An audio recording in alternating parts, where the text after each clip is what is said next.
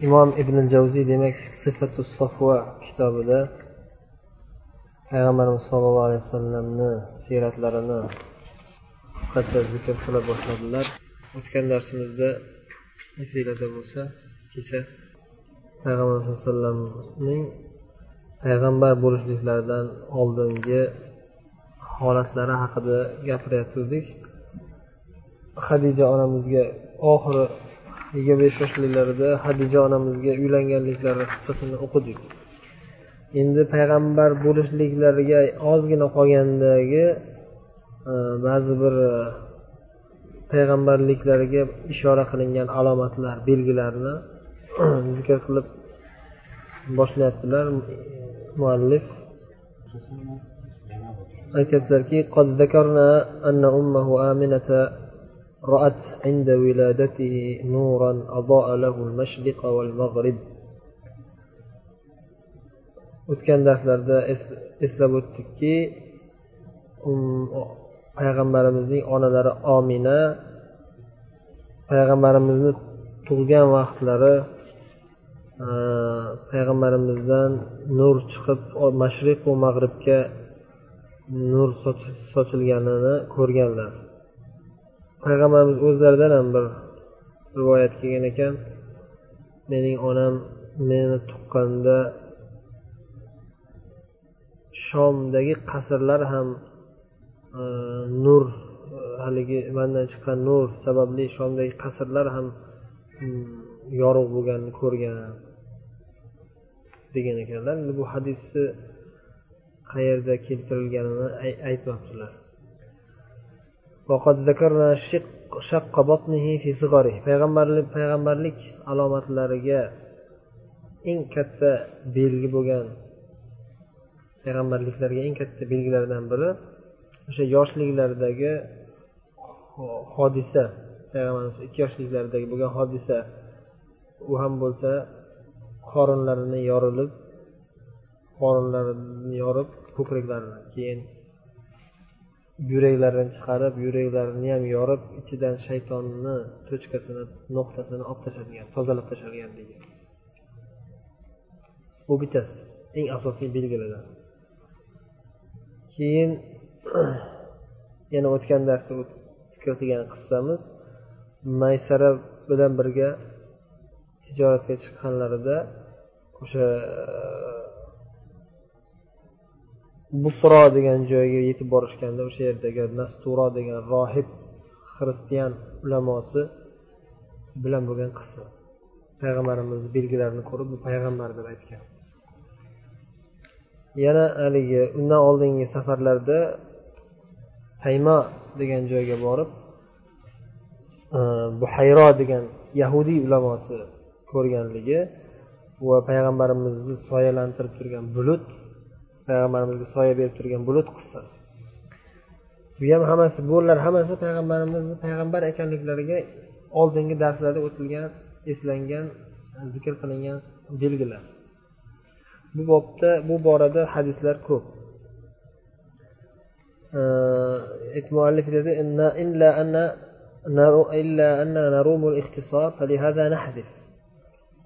bizni maqsadimiz bu kitobda qisqacha zikr qilib o'tish keyin boshqa avliyolarni qissasini zikriga o'tiriladi o'shaning uchun hozir birinchi payg'ambarimizni siyratlarini eslab o'tamiz keyin ba'zi bir ibodatlarini axloqlarini eslab o'tamiz. Iloji boricha qisqacha qisqacha zikr qilamiz deb ko'p hodisalarni zikr zikr qilmasdan o'tib ketyapti ya'ni qisqartirish maqsadida. عن عمرو بن سعيد أن أبا طالب قال كنت بذي المجاز ومعي ابن أخي يعني محمد النبي صلى الله عليه وسلم فأدركني العطش فشكوت إليه abu tolibdan rivoyat qilingan ekan abu tolib aytyaptiki men zilmajozda ya'ni zilmajoz bu quraysh ahlini eng mashhur bozorlaridan bo'lgan shu bozorda o'zimni jiyanim bilan birga edim. Keyin chanqab qoldim. Qattiq chanqoq bo'lib jiyanimga jiyan chanqoq bosdi mani chanqadim deb shikoyat qildim. Vaholanki hech qanday bir suv ham yo'q edi o'sha yerda. Yaqinimizda suv yo'q edi. Suv topib kelolmasligi aniq edi mani nazarimda lekin qattiq chanqoq bosganidan e, gapirdimda gapirib yubordim gaplarni endi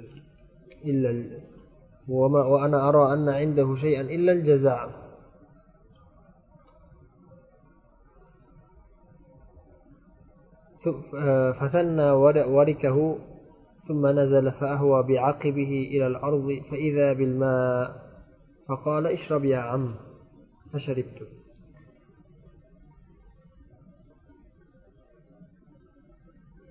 o'sha payg'ambarimiz o'sha yoshliklarida bu ham o'sha payg'ambarliklaridan oldin ey jiyanim suv yo'qmikin? Chanqadim deb aytdim lekin o'zi suv yo'qligini bilardim. Jaza qattiq ya'ni chanqoqlikdan o'lib qolarmikinman deb qo'rqqanligimdan gapirib yubordim degan aytyapti. Shunda payg'ambarimiz o'sha varik deb turib o'tirganda inson yerga o'tirganda yerga o'sha son teparog'ini aytiladi. Son son fahir undan sal teparog'i belga belga yaqinroq joy chap tarafda varik deyiladi. Chap taraf o'ng tarafi ya'ni o'rtasi emas ikkala tarafdan varik ya'ni shu sonlariga desak ham bo'ladi. Sonlariga o'tirib yerga o'tirib pasayib ya'ni yerga pasayib turib suv top suv chiqardilar deyapti. Hatto qanday qilib suv chiqargan bilmay qoldi abu tolib qarasam suv qo'lida turibdi. Qo'lida suv turibdi. O'zi suv yo'q edi hech qayerda amakijon iching suvdan deb berdi dedi. Muhammad sallallohu alayhi vasallam u payg'ambar bo'lishlaridan oldingi holat. Bu ham payg'ambarlik belgilaridan alloh taolo bergan bir karomat. Ibn abbos roziyallohu anhudan rivoyat kelgan avvalu shayin ro'a nabiy sallallohu alayhi vasallam an qila lahu istatir va huwa g'ulam fama ru'yat awratuhu min yawmi idhin. Payg'ambarimiz sallallohu alayhi vasallamning belgi payg'ambarlik belgilaridan eng birinchi alomat eng birinchi belgisi payg'ambarimiz o'zlariga nisbatan aytilgan belgi. U kishiga farishtalardan biri avratingni yopgin deb yosh bolachalik yosh bolalik davrlarida kichkina uch yosh to'rt yoshlik davrlarida nasihat qilgan. Endi yosh bolalarda avrat yopish uncha shart emas ayb hisoblanmaydi hatto lekin payg'ambarimiz sallallohu alayhi vasallamni yoshliklaridan ham alloh taolo o'zi tarbiyalagan. Shuning uchun boshqa bir hadisda aytganlarki robbani robbi fa ahsana tarbiyati deganlar. Meni parvardigorim o'zi tarbiyalagan va juda ham go'zal tarbiya bilan tarbiya qilib qo'ygan mani deb hadisda aytganlar payg'ambarimiz sollallohu alayhi vasallam. Ana shunga tafsilotlar juda ko'p. Mana shu o'sha qissalardan biri shu malaikalardan biri kelib avratingni yopgin deb nasihat qilgan payg'ambarimiz o'z quloqlari bilan eshitganlar ya'ni yoshliklarida o'shandan beri qaytib avratlar umuman ko'rinmagan. ya'ni kichkinaliklardan kichkinalik davrlaridan yosh bolalik davrlaridan boshlab u kishini avratlarini hech kim ko'rmagan o'zlarini ayollaridan boshqa وقالت بر بنت أبي تجرؤة لما ابتدأ الله ابتدأه الله تعالى بالنبوة كان إذا خرج لحاجته أبعد حتى لا يرى بيتا ويفضي إلى الشعاب وبطون الأودية yana bir ayol sahobiy ayollardan aytyaptilarki payg'ambarimiz sollallohu alayhi vasallamga alloh taolo payg'ambarlik belgilarini ko'rsata boshlaganda e, o'zlarini hojatlarini bajarish uchun chiqsalar ya'ni hojatxonaga bormoqchi bo'lsalar arablarda hojatxona bo'lmagan. Arablar shunday bir chekkaga borib bajarishaverdi payg'ambar sallallohu alayhi vasallam bo'lsa umuman mahalladan chiqib ketardilar shahardan chiqib ketardilar. Hech qanaqa uy ko'rinmaydigan joyga borardilar. uzoqqa borib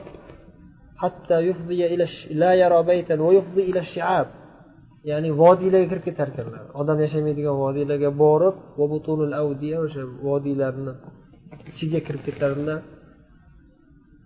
ki maqsad o'sha hojatlarni bajarib qaytish xolos hech kim ko'rmasin deb فلا يمر بحجر ولا شجر ولا شجرة إلا قال السلام عليك يا رسول الله shu chekkalarga chiqib ketganlarida yo'lda uchraydigan toshlar daraxtlar hammasi payg'ambarimizga yoshliklaridan ya'ni salom berar ekan assalomu alayka ya rasululloh allohni ilhomi bilan o'sha daraxtlarga o'sha toshlarga olloh o'zi ilhom solganki salom berish berdirar ekanda payg'ambarimizga payg'ambarimizga olloh o'zi sezdirardiki kelajakda senga payg'ambarlik bo'ladi degan فكان يلتفت عن يمينه وشماله وخلفه فلا يرى أحدا salom eshitaverar ekanlarda qayerdandir salom kelyapti o'ngga qarasalar ham chapga qarasalar ham orqaga qarasalar ham hech kim yo'q keyin o'sha toshlardan daraxtlardan kelayotganini bilganlar وعن جابر بن سمرة رضي الله عنه قال قال رسول الله صلى الله عليه وسلم إني لأعرف حجرا بمكة كان يسلم علي قبل أن أبعث إني لأعرفه الآن rasululloh sallallohu alayhi vasallam aytdilarki men makkada bir toshni bilaman dedilar men payg'ambar bo'lib kelishimdan oldin menga salom berardi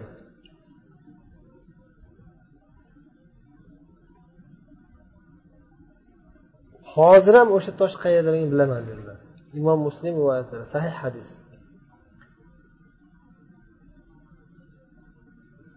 Lekin o'sha toshni qayerdaligini ko'rsatmaganlar. Nimaga? Chunki ko'rsatsalar agar hamma o'sha toshni tabarruk deb ibodat ham qilib yuboradi kerak bo'lsa odamlar. Shunaqa narsalarga odamlar ja chanqoq bo'ladi. Payg'ambar sallallohu alayhi vasallam iloji boricha allohdan boshqa hech kimga bog'lanmaslik bog'lanmaslikka bu odamlar shuni bog'lanib qolmaslikka harakat qilardilar. Shuning uchun u toshni ham ko'rsatmaganlar. Undan boshqa narsalar ham payg'ambarimizni ko'p e, muqaddas ya'ni odamlar muqaddas qilib yuborish xatari bo'lgan joylarni bekitganlar. Odamlar muqaddas qilib yuboradigan kabadan boshqa joylarni bekitganlar. O'zi yaxshi joylar shak shubhasiz lekin muqaddaslashtirib olish mumkin emas bo'lgan joylarda o'shanga o'xshagan bu ham tosh payg'ambarimizga salom berishligi aniq bo'lgan tosh juda ajoyib mo'jiza bu lekin odamlarga qo'ysa o'sha toshga sig'inib oladi o'shaning uchun tosh ham ko'rsatilmagan فصل dedilar فلما بلغ رسول الله صلى الله عليه وسلم خمسا وثلاثين سنة شهد بنيان الكعبة endi payg'ambarimizni payg'ambarlik bo'lishlaridan oldingi eng mashhur qissalardan bittasi kelyapti payg'ambar bo'lishlaridan besh yil oldin O'ttiz besh yoshga yetganlarida bir juda ham mashhur voqea bo'lgan. Bu voqea payg'ambar sallallohu alayhi vasallam naqadar ham obro' e'tiborlari baland ekanligiga va aql zakovatlari naqadar ham ulug' bo'lganligiga dalolat qiladigan voqea. O'ttiz besh yoshga yetganlarida makkaga yomg'ir yog'ib sel oqib kabatullohni bir tarafi buzilib ketadi. Keyin uni kabatullohni makka ahli boshqatdan tiklashadi. Boshqa boshqatdan qurishadi. O'sha paytda endi payg'ambarimiz payg'ambar bo'lishlaridan oldingi holat makka ahli o'zlarini ribo bilan kirishib ketganliklari ba'zilari o'g'irlik ba'zilari ishqilib har xil yo'llardan topilgan pullar ko'p orada va halol rizq bilan topilgan pullar ham bor. Kam. Kabatulloh eng muqaddas ollohning eng muqaddas uyi bo'lganligi uchun o'zlariga o'zlari makka ahli va'da berishib qasam ichishib shu kabatullohni hech bo'lmasa shu kabatullohni faqat va faqat halol rizqdan topilgan mol bilan quraylik deb ahdlash ahdi paymon berishadi.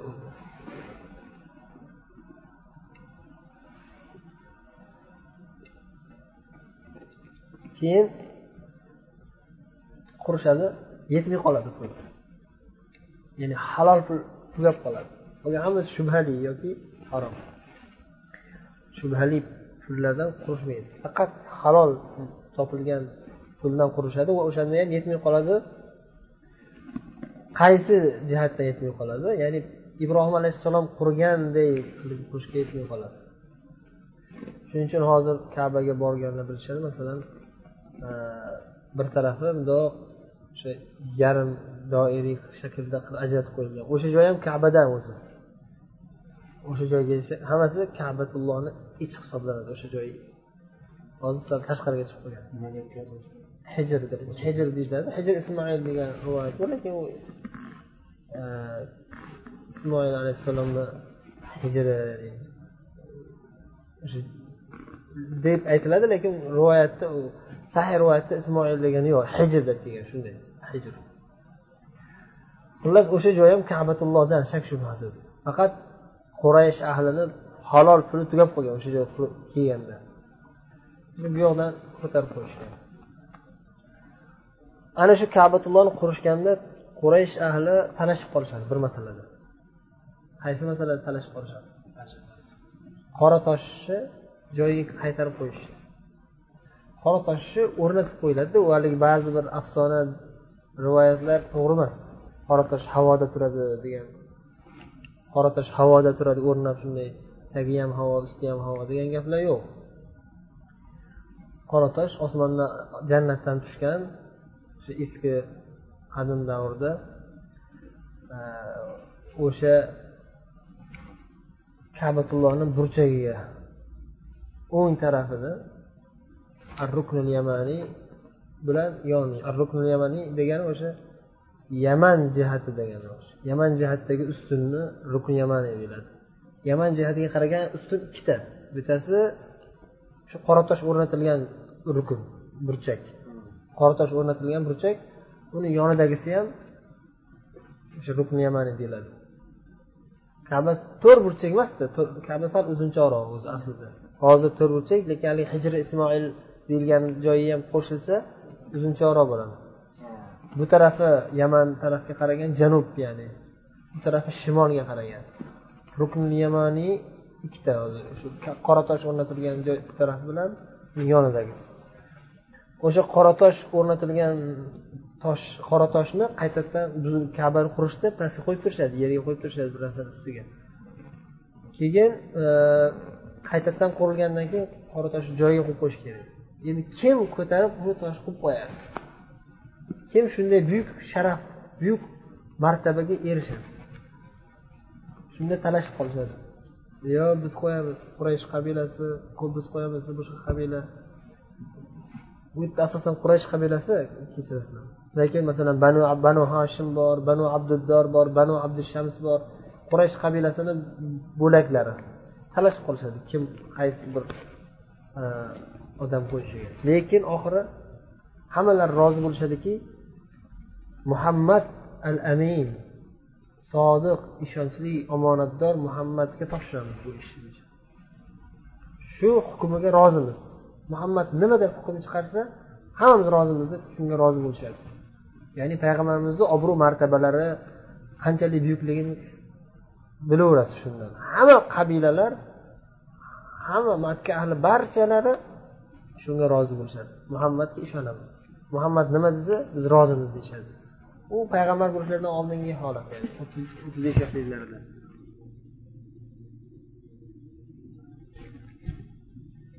havodagi tosh baytil maqdisdagi deyisharmidi? Bu ham bu ham mish mish unaqa emas.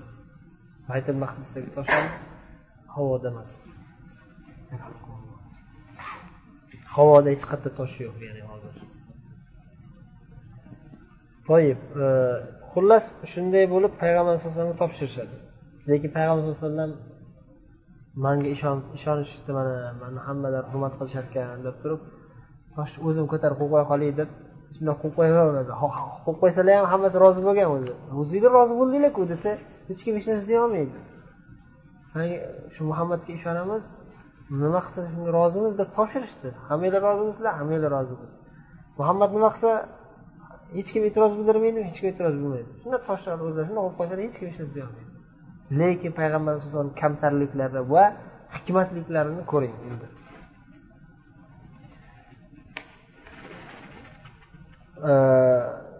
Bu yerda aytyaptilarki e,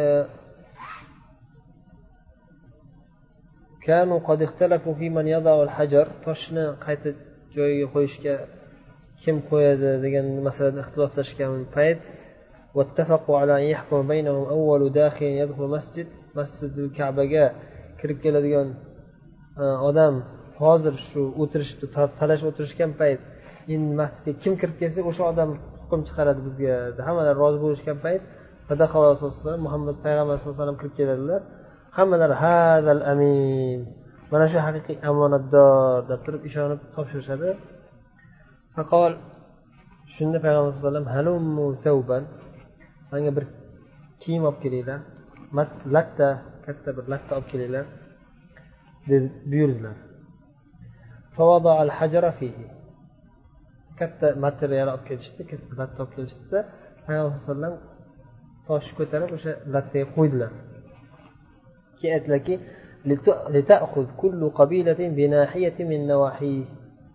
hamma qabiladan har bir qabilani kattasi chiqib o'sha e, kiyimni ko'tarsin. Hamma qabila chekkasidan ushlasin.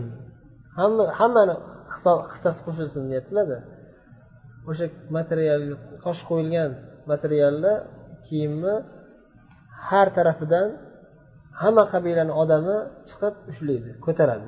Hammalar birgalashib ko'tarishadi. Hammanglar birga ko'taringlar. Hammalari ko'tarib tosh qo'yadigan joyga olib kelishdi keyin payg'ambar olib turib o'zlari qo'llari bilan qo'ydilar shunday bo'lib yechildi ya'ni bitta o'zi o'zim qo'yib qo'ya qolay demadilarda hamma qatnashsin hamma shu sharaf martabaga erishsin deb turib o'sha fikrni aytdilar hammalari shunga xursand bo'lib rozi bo'lishdi qirq yoshga yetganlarida dushanba kuni keyin alloh taolo tomonidan vahiy kela boshladi payg'ambar vahiy vahiy kelish boshlanishi zikri روى مسلم في الصحيح أن النبي صلى الله عليه وسلم سئل عن صوم يوم الاثنين فقال فيه ولدت وفيه أنزل علي dushanba kuni ro'za tutishi haqida so'ralganlarida payg'ambarimiz sallallohu alayhi vasallam ana shu kunda tug'ilganman va ana shu kunda menga vahiy nozil bo'lgan dushanba kuni demak payg'ambarlik vahiylari boshlangan ekan tug'ilishlari ham dushanba kuni bo'lgan vahiy nozil bo'lishi ham dushanba kuni bo'lgan keyinchalik vafotlari ham dushanba kuni vafot qilganlar وقد روي عن ابي هريره رضي الله عنه قال ان نزل جبرائيل على رسول الله صلى الله عليه وسلم بالرسالة يوم سبع وعشرين من رجب ba'zi bir rivoyatlarda e, jibroil alayhissalom payg'ambarimiz sollallohu alayhi vasallamga vahiyni risolatni allohning risolatini yigirma yettinchi rajabda bir olib kelgan. Jibril alayhissalom birinchi nozil bo'lgan kuni tushgan kuni ana shu kun bo'lgan yigirma yettinchi yigirma yettinchi rajabda degan rivoyat bor ekan. lekin bu rivoyatni sahih zaifligini bilmadimku ammo ramazonda boshlangan qur'on vahiysi ramazonda boshlangan sahih sahih قال ابن إسحاق ابتدأ ابتدأ رسول الله صلى الله عليه وسلم بالتنزيل في شهر رمضان ابن إسحاق إن مشهور سيرة إن مشهور سيرة علماء aytganlarki o'sha bu kishi tobeinlardan tobein davrida yashagan ibn ishoq rasululloh sollallohu alayhi vasallamga tanzil ya'ni qur'on nozil bo'lishligi ramazon oyida boshlangan qur'onda o'zi ochiq aytib qo'ygan muborak kechada nozil qilganmiz qur'on muborak kecha nima? Laylatul qadr. Qadr. Qadr kechasi nozil qilganmiz. Endi bu bu bu qadr kechasi nozil qilganmiz degan oyat tafsirida ba'zi e, rivoyatlarda qur'on birinchi o'rinda mukammal suratda birinchi osmonga tushgan. Birinchi osmonga tushgan. Qur'on mukammal holatda yigirma yettinchi ramazonda birinchi osmonga tushgan.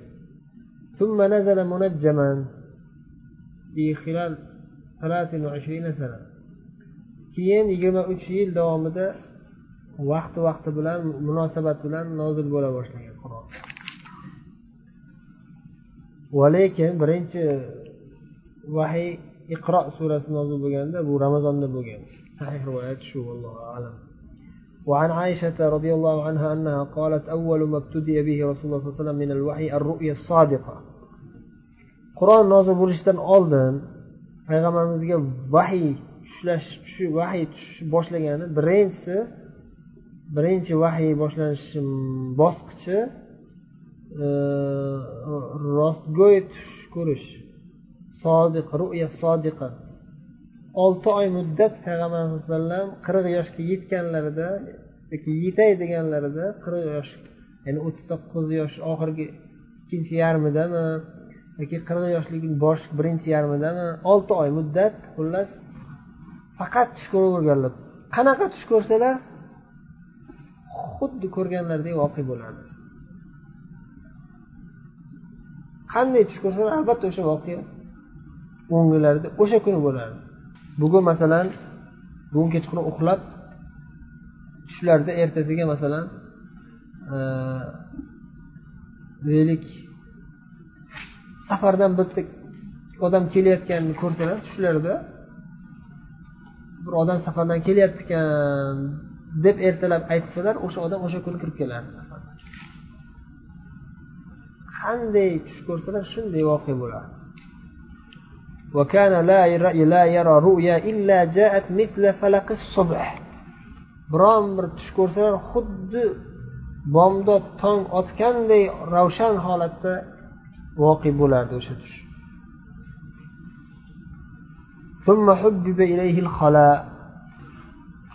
keyin yana bir tayyorgarlik payg'ambarni olloh tayyorlashligi. Yolg'iz ibodat yolg'iz bo'lib yolg'iz joyga borib ibodat qilishlik payg'ambarimizga e, muhabbatli bo'lib qoldi suyuklantir suyukli bo'ldiki. Ya'ni dunyo tashvishlaridan chekkaga chiqib bitta o'zlari ibodat qilishni xohlab qolardilar. Hiro tog'iga kelardilar. وهو التعبد الليالي ذوات العدد jabal hiro hiro tog'iga kelib makkadagi hiro tog'iga kelib bir necha kechalar o'sha yerda qolib bitta o'zlari ibodat qiladilar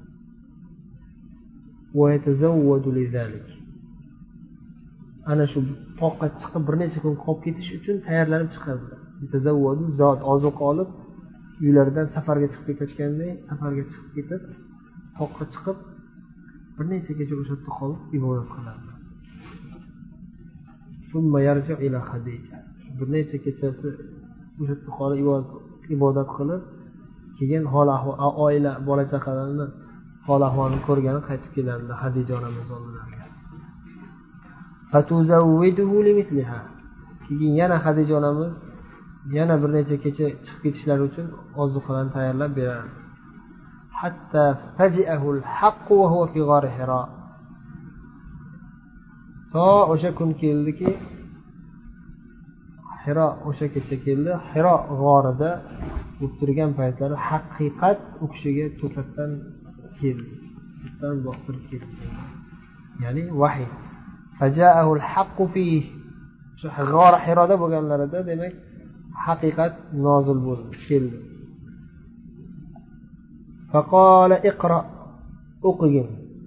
Faqola rasululloh sallallohu alayhi vasallam men o'quvchi emasman o'qishni bilmayman. Payg'ambar alayhi vasallam bilasizlar ummiyun ummiy bo'lganlar ya'ni besavod deb qo'yishadi bizda. Yozuv chizuvni bilmaydigan o'qishni bilmaydigan bo'lganlar.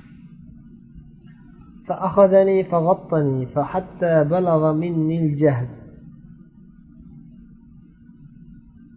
shunda jibril payg'ambarimizni olib o'rab siqdilar payg'ambarimiz siqdilarda hatto balag'a men payg'ambar aytadilarki meni qattiq charchatib tashladi siqib siqib toqatsiz holda qoldirdi mani keyin qo'yib yubordi keyin iqro yana qaytadan o'qigin yana payg'ambar sallallohu alayhi vasallam aytdilarki ma ana men o'qishni bilmayman dedilar yana فأخذني فغطني الثانية حتى بلغ مني الجهل ikkinchi marta olib siqdilar jibril alayhissalom payg'ambarimiz yana qo'yib yubordilar uchinchi marta iqro dedilar o'qigin dedilar Payg'ambarimiz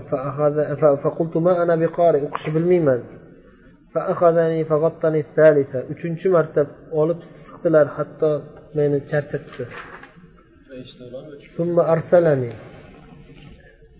Keyin qo'yib yubordilar. Jibril alayhissalom payg'ambarimizni siqib uchinchi marta yana qo'yib yubordilar. Keyin oyatlar nozil bo'lganini o'qidilar. Jibril alayhissalom o'qidilar. Seni yaratgan parvardigoring nomi bilan o'qigin.